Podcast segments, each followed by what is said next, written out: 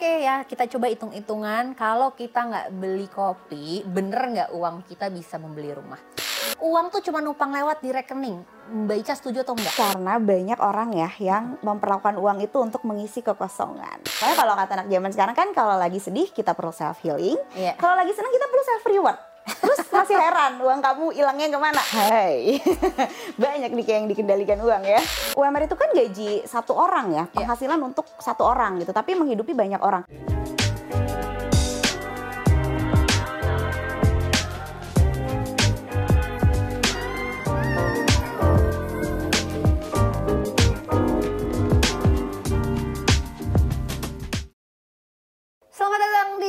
Lintas Makna dan selamat datang juga untuk episode kedua dari season kedua kita di mana kami akan menemanimu berbagi cerita karena setiap orang punya sudut pandang dan juga jalan ceritanya masing-masing. Bareng gue Manda dan kali ini gue nggak bersama Mas Danang maupun Dikta karena gue bosen. Mereka cuma bikin pusing. Jadi kali ini kita akan saling mendengar dan bertukar cerita bareng dengan Mbak Anissa Steviani atau yang biasa dipanggil Mbak Ica. Hai, kita langsung aja kenalan ya. Mbak Ica apa kabar? Baik. Sudah makan hari ini? belum? Oh belum. Gimana sih? Ini dia nggak makan dulu. Kalau pagi-pagi nggak Oh makan. oke oke. Heeh. Oh, tim yang mungkin nggak terbiasa sarapan di Iya, paginya benar, ya. benar, benar, Nggak ada hubungannya dengan financial ini kan Mbak? Oke enggak oke ada. Bukan oke. demi ngirit, bukan. bukan. Oh oke oke oke. Nah di hari ini kenapa kita mau ngajak ngobrol sama Mbak Ica gitu dan mungkin teman-teman lintas makna juga pengen tahu karena kita akan membahas tentang sesuatu yang sangat kita butuhkan tapi sangat susah diatur. Oke, oke. dan kadang-kadang kita juga nggak punya ilmu yang mumpuni gitu ya Mbak untuk mengatur gitu. Jadi kita mau ngomongin tentang uang tentang mungkin kalau yang seumuran kita yang udah bekerja juga sekarang tentang gaji gitu. Gaji yang besar pengeluarannya juga semakin besar. Tapi di satu sisi eh, sebenarnya kenapa kita mau ngomongin ini? Karena yang membawa adalah adanya obrolan di luar sana. Kayak misalnya ada contoh eh, Bu Sri Mulyani sempat bilang juga bahwa nih kayaknya anak muda sekarang akan makin sulit eh, membeli rumah gitu. Terus ada juga yang eh, sejujurnya aku lupa siapa gitu yang pernah membicara tentang ya udah makanya anak muda nih kalau misalnya mau beli rumah jangan beli kopi gitu. Terus tiba-tiba di Twitter ada yang bikin threadnya, oke ya kita coba hitung-hitungan kalau kita nggak beli kopi bener nggak uang kita bisa membeli rumah. Eh ternyata nggak juga. gitu Iya, kayak emang. berat juga gitu. Ditambah sekarang BBM naik ya, mau beli bensin juga udah mulai berasa gitu, mulai nunda-nunda. Ntar aja deh kalau masih bisa nanti-nanti gitu. Nah, sekarang kita mau ngomongin tentang itu Mbak hari ini. Kita kenalan dulu kali ya. Kamu Boleh, mau boleh, boleh. sama aku. Oh iya iya, aku itu udah ngoceh aja karena aku udah penasaran. Silakan Mbak Ica. Iya. Bagaimana nih latar belakangnya kayak kenapa Mbak Ica nih sosok yang kita lihat di sosial media yang bikin konten kenapa bisa sampai akhirnya menjadi financial planner? Karena dulu aku nggak bisa kelola uang. Tentu ya. Siapa yang bisa kan? Emang ada yang diajarin? Kalian ada yang diajarin kelola uang di rumah? Nggak ada. Nggak ada kan Nggak pelajarannya kan? di kelas? Nggak ada. Ah. Diajarinnya nabung ya, nabung di pakai buku tabungan waktu SD kan. Nah, tapi nggak ada yang diajarin kelola uang. Makanya ini aku waktu nikah udah kerja 4 tahun, suamiku udah kerja enam tahun. nggak punya uang. Oke. Cuma megang uang dikit lah waktu itu Oke. gitu ya. Tapi udah hamil nih gimana nih anak mau kita kasih makan apa gitu. Oke. Makanya 2013 belajarlah kelola uang. Oke. Mm, jadi aku Anissa Steviani 34 tahun, ibu satu anak, umurnya 8 tahun, sudah kelas 3 SD, sudah kelola uang selama 9 tahun. Oke. Nah, ini harus diomongin di awal nih karena Oke. kalau enggak kayaknya kok udah lancar banget ya. Kok udah jago banget ya udah 9 tahun, tenang aja gitu. Oke. Aku di tahun ke-6 financial planning baru belajar tentang serius gimana sih nah caranya jadi certified financial planner karena Hmm. pengen sharing. Oh, nih gue udah berhasil nih bisa dibilang gitu ya 6 tahun udah lancar. Hmm. Baru deh pengen sharing ke teman-teman semuanya makanya belajar ikutan course. Lulus baru deh berani untuk sharing gitu. Hmm. Oke, berarti dengan background dari Mbak Ica sudah melewati banyak hal, sudah 9 tahun juga kurang lebih mengelola dan juga belajar financial planning. Sekarang sudah waktunya tepat nih kita nanya sama yang ahli gitu. Uang tuh cuma numpang lewat di rekening. Mbak Ica setuju atau enggak? Iya, setuju. Oke. setuju dong. Terus kita punya apa kalau cuma lewat doang gitu kayak. Lewatnya ke mana? Oke. Iya, jadi sebenarnya tuh ya uh, gini, ketika kita dapat uang nih, apalagi kalau yang gajian ya, kita gajian di tanggal 25 misalnya gitu. Memang sudah seharusnya di tanggal 25 itu cuma lewat-lewat aja itu uang. Hmm. Begitu dapat kita bayarin ke cicilan, tagihan-tagihan, bayar wifi, beli kuota hmm. internet. Itu di awal udah kita bagi-bagi tuh okay. uang-uangnya. Sehingga uang yang tersisa di rekening itu adalah uang yang memang sisa buat bulan itu aja. Okay. Jadi memang sudah seharusnya dilewat-lewatin, tapi biasanya kesalahannya itu ketika mm -hmm. dapat uang pertama kali yang dihayalkan kan check out check out yang udah 99 plus itu ya di e-commerce-nya ya. Uh, uh, atau check out check out kan? yang sebenarnya sama ini hanya di keranjang kan iya, yang kan, kayak kamu. yang mana yang gue check out duluan mm -hmm. gitu kan. Nah, itu kesalahan pertamanya. Kita malah check out dulu hal-hal yang kurang penting. Oke. Okay. Terus habis itu sisanya baru kita pakai nih buat bayar cicilan, tagihan segala macam. Mm -hmm. Bingung di akhir bulan bingung ah kok tabungannya kepake lagi ya? Ini gue nggak bakat nabung nih gitu. Ah, sering terjadi iya, ya iya, iya. hal-hal kayak gitu. Nah sebenarnya kalau kita udah terbiasa udah rapi di awal itu kita udah tahu nih budgetnya apa aja. Hmm. buat makan berapa? Bensin naik berapa nih? Belum tahu ya karena belum satu bulan. Yeah tapi kayak hal-hal makan siang, jajan sore itu kita udah tahu budgetnya berapa, kita pisahin di rekening terpisah. Kita udah tahu juga, oh kita ada selisih nih, sisanya ini kita tabungin. Hmm. Sisanya lagi baru kita belanjain. Okay. Kalau kita mulai dari belanja sampai kapan juga kayaknya nggak cukup dan ya lewat-lewatnya jadinya buat belanja-belanja aja. Jadi tentang kesadaran menentukan yang mana dulu ya Mbak yang harus disisihkan Bener. gitu ya. Ini ada selintas kata bermakna nih kalau di lintas makna ada selintas kata bermakna Mbak Ica Uang tidak bisa membuat kamu bahagia dan tidak akan pernah. Semakin memilikinya, semakin banyak yang diinginkan. Alih-alih mengisi kehampaan, uang malah menciptakan ruang hampa. Benjamin Franklin. Wow. Ah. Teman-teman kita semangat ada yang setuju. Ntar kalau setuju atau tidak setuju silahkan komen juga ya di bawah ya gitu. Nah Mbak Ica sendiri setuju nggak dengan statement ini? Setuju banget karena banyak orang ya yang memperlakukan uang itu untuk mengisi kekosongan. Nah, kok ketawanya kenceng banget tuh yang di belakang. Nah, gue bingung gitu sekarang tuh mengisi kekosongan bukannya cuma nyari pacar tapi dengan uang gitu ya. Iya dong. Betul, betul, betul. Iya. Aku lebih setuju yang uang sih sejujurnya. Kayak uh, aku mengisi ingin dengan uang gitu. Iya, jadi sebenarnya ada yang kosong di hidup kamu nih ya. Mm -hmm. Terus kamu berusaha mengalihkannya dengan cara belanja. Ini paling gampang aja ya kalau teman-teman yang karyawan ya, mm-hmm. lagi kesal banget di kantor, lagi ada deadline segala macam. Pokoknya lagi banyak pressure gitu ya. Yang dilakukan pertama apa? Belanja jajan sore, eh jajan apa yuk, eh makan enak yuk gitu kan. Hmm. Kita uh, mengisi kekosongan-kekosongan yang ada dengan uang. Kita nggak address masalah utamanya. Hmm. Masalah utamanya adalah kantor kamu bermasalah. Mungkin kamu perlu ngomong sama bos kamu okay. gitu kan. Tapi nggak kamu lakukan.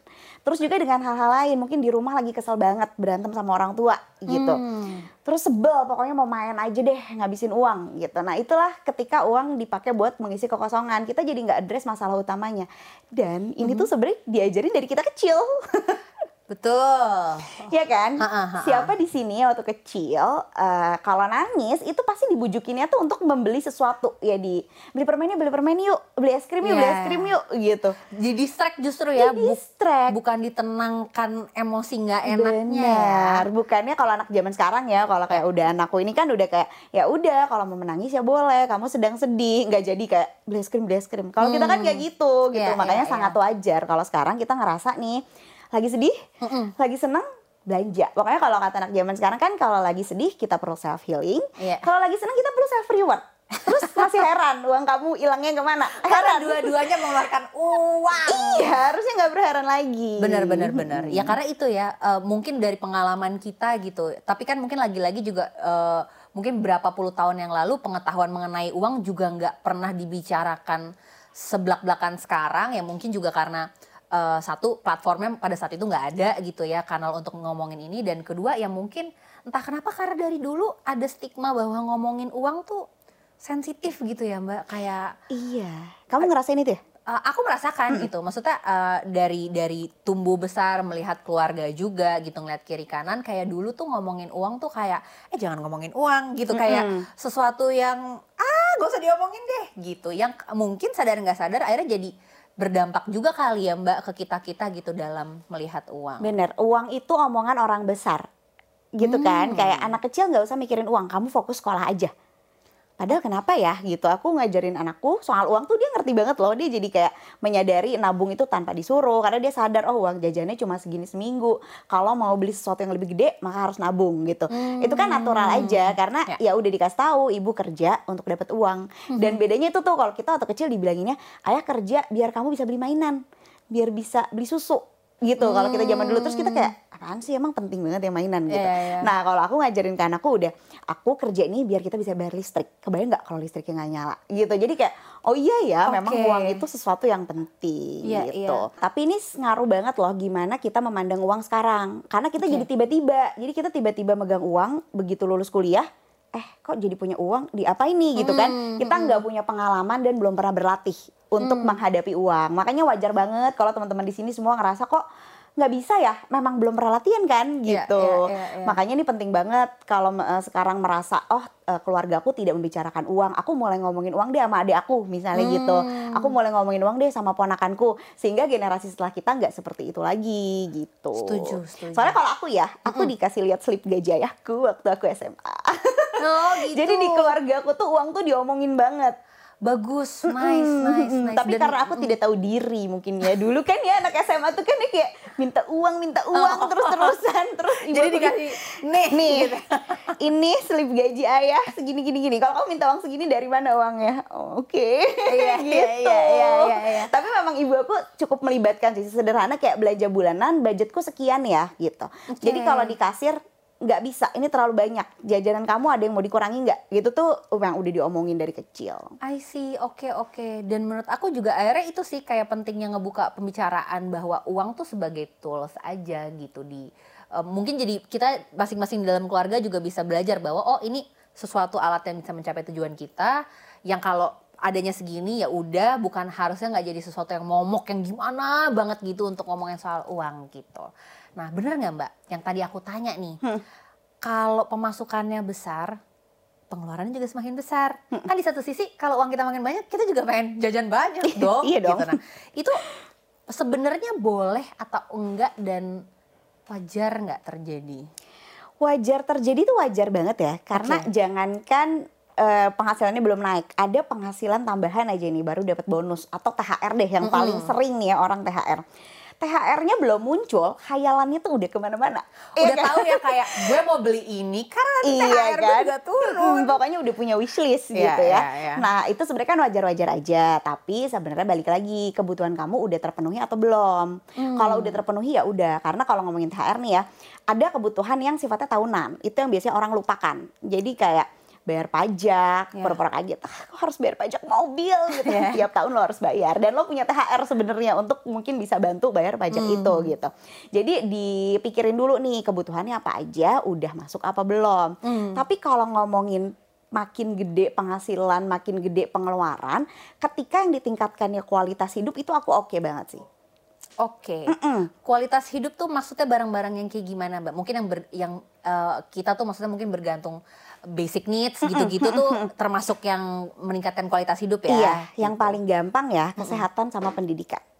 Oke. Okay. Itu nggak ditanggung negara ya sayangnya mm -hmm. ya. Mm -hmm. Jadi uh, banyak banget orang yang takut ke dokter, takut ke rumah sakit, bahkan takut ke psikolog, takut mm -hmm. ke psikiater karena takut bayarnya bukannya nggak mau kan? Benar. bukannya nggak mau. Nah, ketika kita penghasilannya bertambah, dialokasikan untuk ke situ dulu nih, ke kesehatan mm-hmm. kesehatannya dulu, ke pendidikannya dulu. Mungkin kemarin pengen ambil course apa, tapi nggak ada uangnya. Sekarang udah ada sisa lebihannya, jadi aku mau nabung deh nih 6 bulan, jadi bisa ambil bootcamp apa, gitu, ambil mm. master class apa. Nah, itu kan pengeluarannya memang tetap gitu, tapi jadi sesuatu yang lebih bermanfaat. Nah, itu aku setuju banget sih, karena ah, berasa banget ya apalagi pandemi gini ya, kayak tiba-tiba jadi harus beli suplemen, harus mm -hmm. beli vitamin. Kalau kita punya penghasilan yang lebih, mm -hmm. itu akan oke okay kan sebenarnya gitu. Jadi fokusnya meningkatkan kualitas hidup terutama kesehatan. Nah, itu kalau orang-orang yang punya kesadaran bahwa oke, okay, gue lebih, gue bisa ngapain gitu. Tapi banyak juga Mbak yang ngerasa ini gaji gue naik loh padahal daripada yang kemarin gitu dan pengeluarannya mungkin dia aku nggak tahu dia sadar atau enggak tapi kok kayaknya gini-gini aja ya hmm. akhirnya duit gue tetap kurang juga gitu itu berarti apakah yang tadi Mbak Ica bilang gitu maksudnya nggak bisa ngelolanya atau nggak bisa mendahulukan kebutuhan yang mana dulu atau gimana Mbak? Karena nggak ada kesadarannya sih. Jadi kesadaran itu deh yang paling utama ya. Aku sadar uangku segini, aku sadar uangku cukup untuk apa aja. Karena banyak banget yang nggak sadar dan manusia tuh terlalu percaya diri ya. Nanti aku akan bisa nabung kalau penghasilanku udah sekian. Tahu dari mana? Kalau sekarang aja kamu tidak berlatih Betul. menabungnya gitu kan. Jadi aku nggak pernah eh, menyarankan nunggu-nunggu dulu.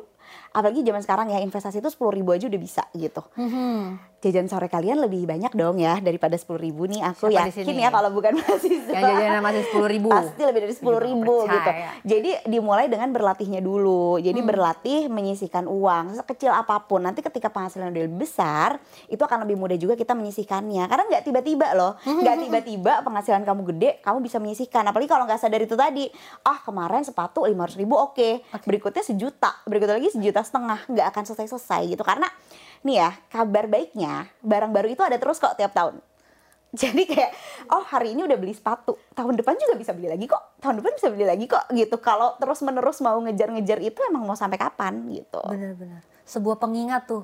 Baru mulu. Jadi kalau habis ba- baru beli sekarang jangan ngerasa barang lo baru. iya Tahun depan juga ada lagi yang baru.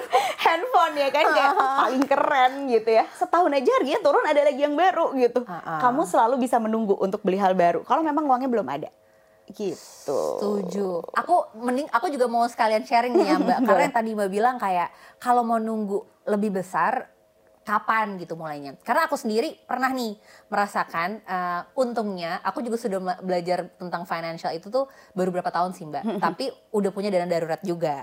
Dulu pun juga mengumpulkan dana darurat tuh kayak ya elah yakin nih cuman segini. Kayak kok dikit banget gitu. Kayak ap- bakal dipakai buat apa gitu. Tapi karena aku pada saat itu kayak mencoba pakai mindset robot aja kayak ya udah dilakuin aja. Nggak usah ngeliat rekeningnya berapa. Pokoknya setiap uh, ada gaji masuk sisihin. Segini sisihin. Persentasenya beneran kecil tapi tiba-tiba ngeliat sekarang tuh kayak gede. Wow Ah-ah. gitu. Kok bisa sih gitu? Jadi aku setuju sih tentang memulai dan kecil dulu kayak berapapun yang didapat juga gitu ya mbak nah ini kalau selintas kata bermakna dari Sex Olab jangan biarkan uang mengendalikan kehidupanmu tapi kamulah yang harus mengendalikan uang Hai, banyak nih kayak yang dikendalikan uang ya. banyak ya dalam kenyataannya tuh Benar, benar. kayak banyak yang masih merasa ya gimana dong hidup gue kan tergantung uang yang gue dapat gitu kalau gue merasa kurang ya berarti gue masih banyak banyak ininya nih banyak banyak kekurangannya gitu. Kayak gue nggak bisa apa-apa gitu. Berpasrah dengan keadaan juga gitu. Nah ini ada hal menarik selanjutnya yang tadi aku juga mention di awal mbak gitu. Soal anak muda dan gaji. Statementnya Bu Sri Mulyani Menteri Keuangan Indonesia bilang anak muda tuh bakal susah beli rumah mau nabung berapa lama buat DP-nya gitu. Ada juga yang uh, rame di sosial media ada statement dari sebuah riset yang dilakukan oleh Columbian University, Mailman School of Public Health bilang gaji kecil bikin otak cepet tua. Beneran gak sih? Nah, itu statement Oke. dari uh, sebuah studi ya. Ada yang terakhir juga ini baru-baru ini sering banget jadi obrolan orang-orang.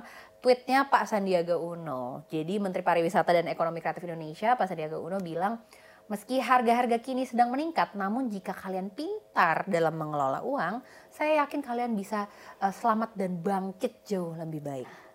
Gimana nih Mbak Ica melihat uh, statement-statement ini? Mungkin punya opini sendiri? Kalau rumah wajar ya harganya makin naik kan ya karena tanahnya segitu-gitu aja orangnya makin banyak. Jadi menurutku rumah itu kalau bukan yang pertama udah nggak urgent-urgent lagi sih. Maksudnya kan kalau zaman dulu orang taunya investasi ya tanah. Betul. ya rumah gitu kan karena mereka nggak tahu lagi nih produk investasi lain apa tapi kalau zaman sekarang ya udahlah rumah satu aja untuk ditinggali lalu jangan nimbun-nimbun rumah lagi gitu karena aku pernah nge-tweet juga nih boomers tuh nyuruh-nyuruh kita beli rumah ya? Uh-uh. beli rumah dong kamu nabung-nabung nabung ke mana-mana uangnya habis nggak dapat rumah gitu. Aku dulu beli rumah selalu pakai kata-kata itu kan. Oke. ya berarti kita nggak bisa beli rumah karena anda anda yang menimbunnya gitu kan ya. Jualnya mahal banget. Jualnya mahal banget. Tuh kayak eh, mereka tuh jualnya tuh udah pakai harga yang nggak masuk akal karena memang nggak mau jual. Mereka maunya dikontrakin aja lah terus gimana kita bisa beli Betul. Iya kan? Nah, akhirnya kita dapat yang jauh-jauh. Iya, karena Gitu. yang di tengah kota memang memang dibeli sama si boomers-boomers ini dan biasanya baru dijual kalau mereka meninggal, lalu rumahnya jadi harta waris. Hmm. Sama anak-anaknya baru dijual, yang gak heran kita nggak bisa beli gitu. oke. Jadi nggak usah ngotot-ngotot banget menurut aku untuk beli rumah. Mhm. Opsi sewa tuh ya, apalagi kalau di Jakarta ya jauh lebih murah daripada beli. Oke. Jadi bisa cuma satu persen dari harga rumah kamu nyewa gitu kan. Oke. Makanya ya udahlah kalau sekarang nggak bisa beli rumah kita nabung dulu aja. Nanti pembelian rumahnya kapan-kapan juga nggak apa-apa. Kita bisa sesuaikan dulu nih sekarang rumahnya dekat kantor. Yang penting Mhm. nggak capek di jalan, nggak usah dipikirin harus banget secepatnya gitu ya. Tapi balik lagi ya orang-orang punya uh, pertimbangan masing-masing. Mhm. Banyak yang memang mungkin seumur hidup orang tuanya kontrak rumah, jadi kayak aku pengen cepet-cepet beli, nggak apa-apa juga gitu. Cuman kalau misalnya nggak urgent-urgent banget, nggak usah gitu ya. Karena Iya, kayak iya. harganya nggak masuk akal, apalagi kalau di Jakarta. Nah berikutnya soal gaji pasti cukup ya. Eh, Mhm. tadi gimana tuh kata-katanya? Katanya kalau uangnya bis kalau kalau ya bisa tadi? dikelola dengan oh gaji kecil kalau yang berdasarkan riset dulu mbak Mm-mm. gaji ge- gaji cepet kecil tua. bikin otaknya cepet tua ini Oh. penjelasannya di mana ya ntar kita cari ya penjelasannya di mana ya tapi kita sering lihat ya artis-artis yang udah tua tapi tetap awet muda mungkin itu faktor ya iya benar benar benar faktor juga ya atau ibu-ibu nggak kecil ya? Ibu-ibu pejabat tuh suka cantik-cantik banget tuh Mm-mm. faktor juga kali ya Mm-mm. tapi menurut aku bukan cepet tua sih mungkin memang karena suka nggak suka ya ngaku nggak ngaku ya banyak masalah hidup yang memang bisa diselesaikan pakai uang ya ya kan kalau orang bilang uang nggak bisa beli kebahagiaan tuh nggak juga Ya enggak juga gitu. Karena untuk sehat mental aja nih ya, suamiku ya bolak-balik psikiater aja tuh berapa ya sekali datang gitu kan. Itu dan nggak cuman satu kali kan.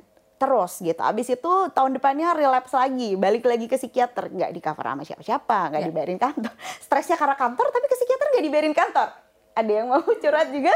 Iya, iya, iya, gitu kan iya, ya, setuju. sering banget terjadi. Jadi eh, kayaknya wajar sih kalau dibilang cepet tua. Bukan cepet tua ya, tapi Karena lebih stres, capek gitu ya. capek, banyak Ah, pikiran mikirin juga gitu kan Makanya uang itu jadi motivasi deh menurut aku. Hmm. Kalau dulu kan kita diajarinnya gitu ya, Mm-mm. lu tuh apa-apa uang, jangan apa-apa demi uang gitu. Nggak boleh gitu kayaknya menghamba sama uang. Menurut aku kalau kita carinya dengan halal dan dengan cara yang baik ya nggak apa-apa uang jadi motivasi gitu. Itu perlu dinormalisasi loh bahwa emang nyari uang kok ah, lu mah duit mulu. Memang gitu. Hmm. Perlu menormalisasi hal kayak gitu karena pada akhirnya uanglah yang bisa eh, kasih kita akses ke banyak hal gitu termasuk tadi itu kesehatan, pendidikan, hal-hal yang jadi krusial buat hidup kita. Betul, ah, nggak apa-apa mencari uang se- selagi halal dan banyak karena aku mau skincarean terus sampai tua. Betul. Jadi aku nggak kelihatan tua nanti. Betul dan aku maunya nggak kerja tapi dapat uang. iya dong. iya iya iya gitu kan. Iya. Kalau kita pinter ngelolanya gitu kan, apalagi eh, investasi dan sebagainya mungkin nanti bisa kita bahas juga gitu ya.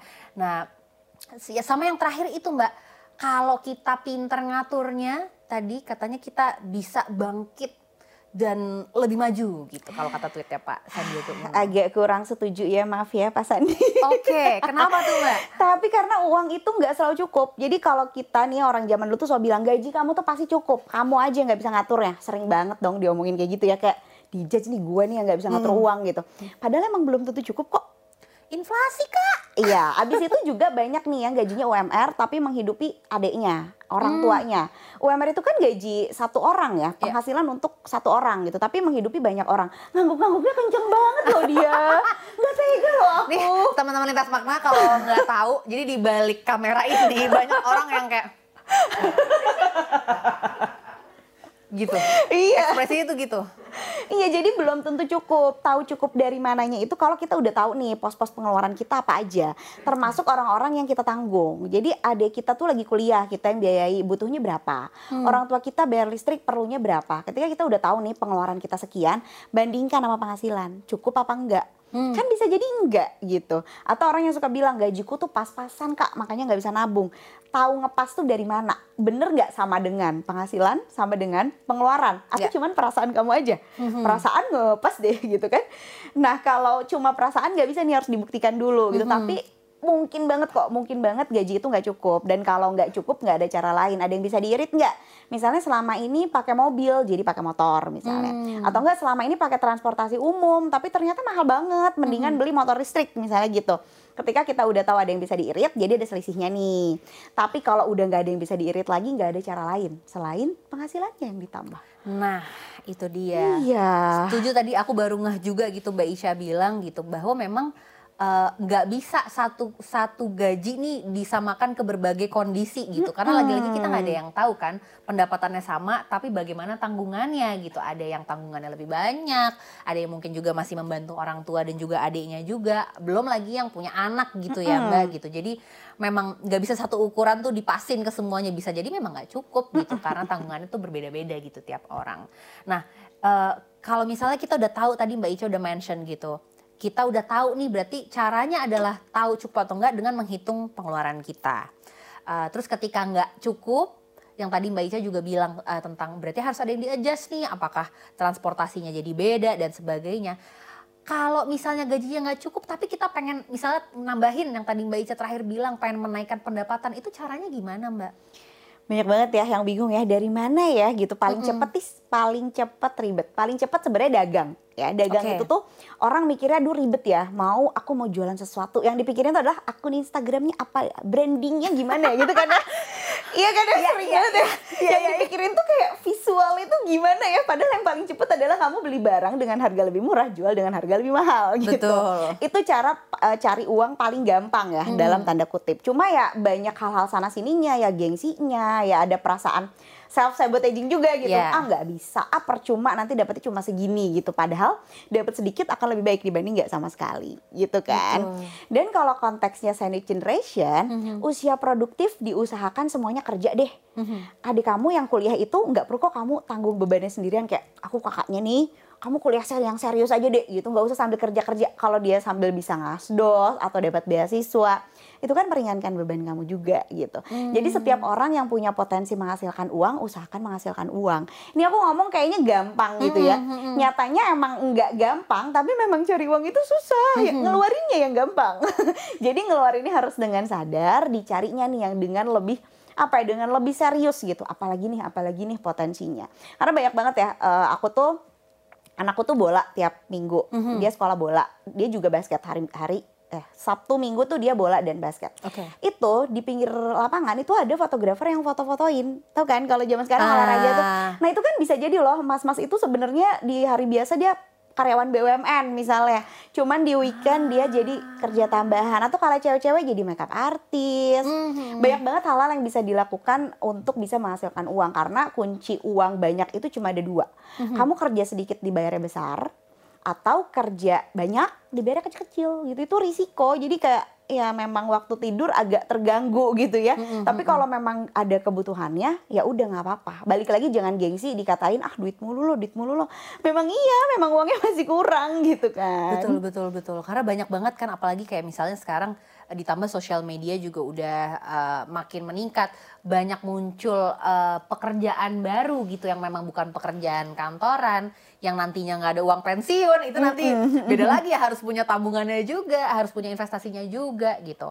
Nah uh, sama tadi mungkin yang Mbak Ica juga bilang kalau bisa adanya obrolan uang kebutuhan di antara keluarga itu juga bisa diomongin dengan baik nggak usah gengsi. Kalau memang ada ada rasa yang aduh kayaknya gue agak berat nih mungkin gaya uh, saudara atau siapa pun yang punya kapasitas untuk membantu atau setidaknya uh, orang yang kita bantu ini juga mencoba untuk menolong dirinya sendiri benar, gitu ya dalam benar, urusan benar. uang gitu. Dan biasanya belajar bilang tidaknya sih. Hmm. yang susah gitu ya. Okay. Kita sendiri lagi susah, tapi ada saudara minjem uang, sebenarnya nggak urgent-urgent banget, pokoknya nggak nggak apa ya, nggak me membahayakan hidup, ya. tapi kita nggak enak nolaknya gitu kan. Hmm, hmm, hmm, Uang kita juga ngepas, tapi kayak jadinya dikasih sama dia. Habis itu kita jadi uh, kecewa sama diri sendiri. Kita nggak mau ngecewain orang lain, tapi kita ngecewain diri sendiri. Nah, self boundariesnya juga gitu. Hmm. Kalau memang uangnya nggak penting-penting banget, bukan buat dia sakit atau bukan buat dia beli beras, coba deh untuk bilang enggak gitu. Okay. Karena itu akan ngaruh banget sama kondisi keuangan kamu juga. Terus-terusan bantu orang, tapi kamu nggak bantu diri kamu sendiri. Sedangkan kalau membantu orang harusnya kita sudah terbantu dulu ya Mbak. Benar, gitu. benar. Akan lebih ideal kita akan bisa lebih bantu orang lebih banyak kayaknya kalau misalnya kita sendiri udah cukup gitu. Nah, tadi ngomongin tentang gaji pendapatan kan katanya harus dibagi-bagi nih Mbak, ada pos-posnya. Itu ada rumus pembagiannya nggak gitu kayak oke okay, segini ah bingung nih harus yang yang mana berapa yang mana berapa ya mbak gitu kalau mbak Ica ada rumus-rumus tertentu nggak?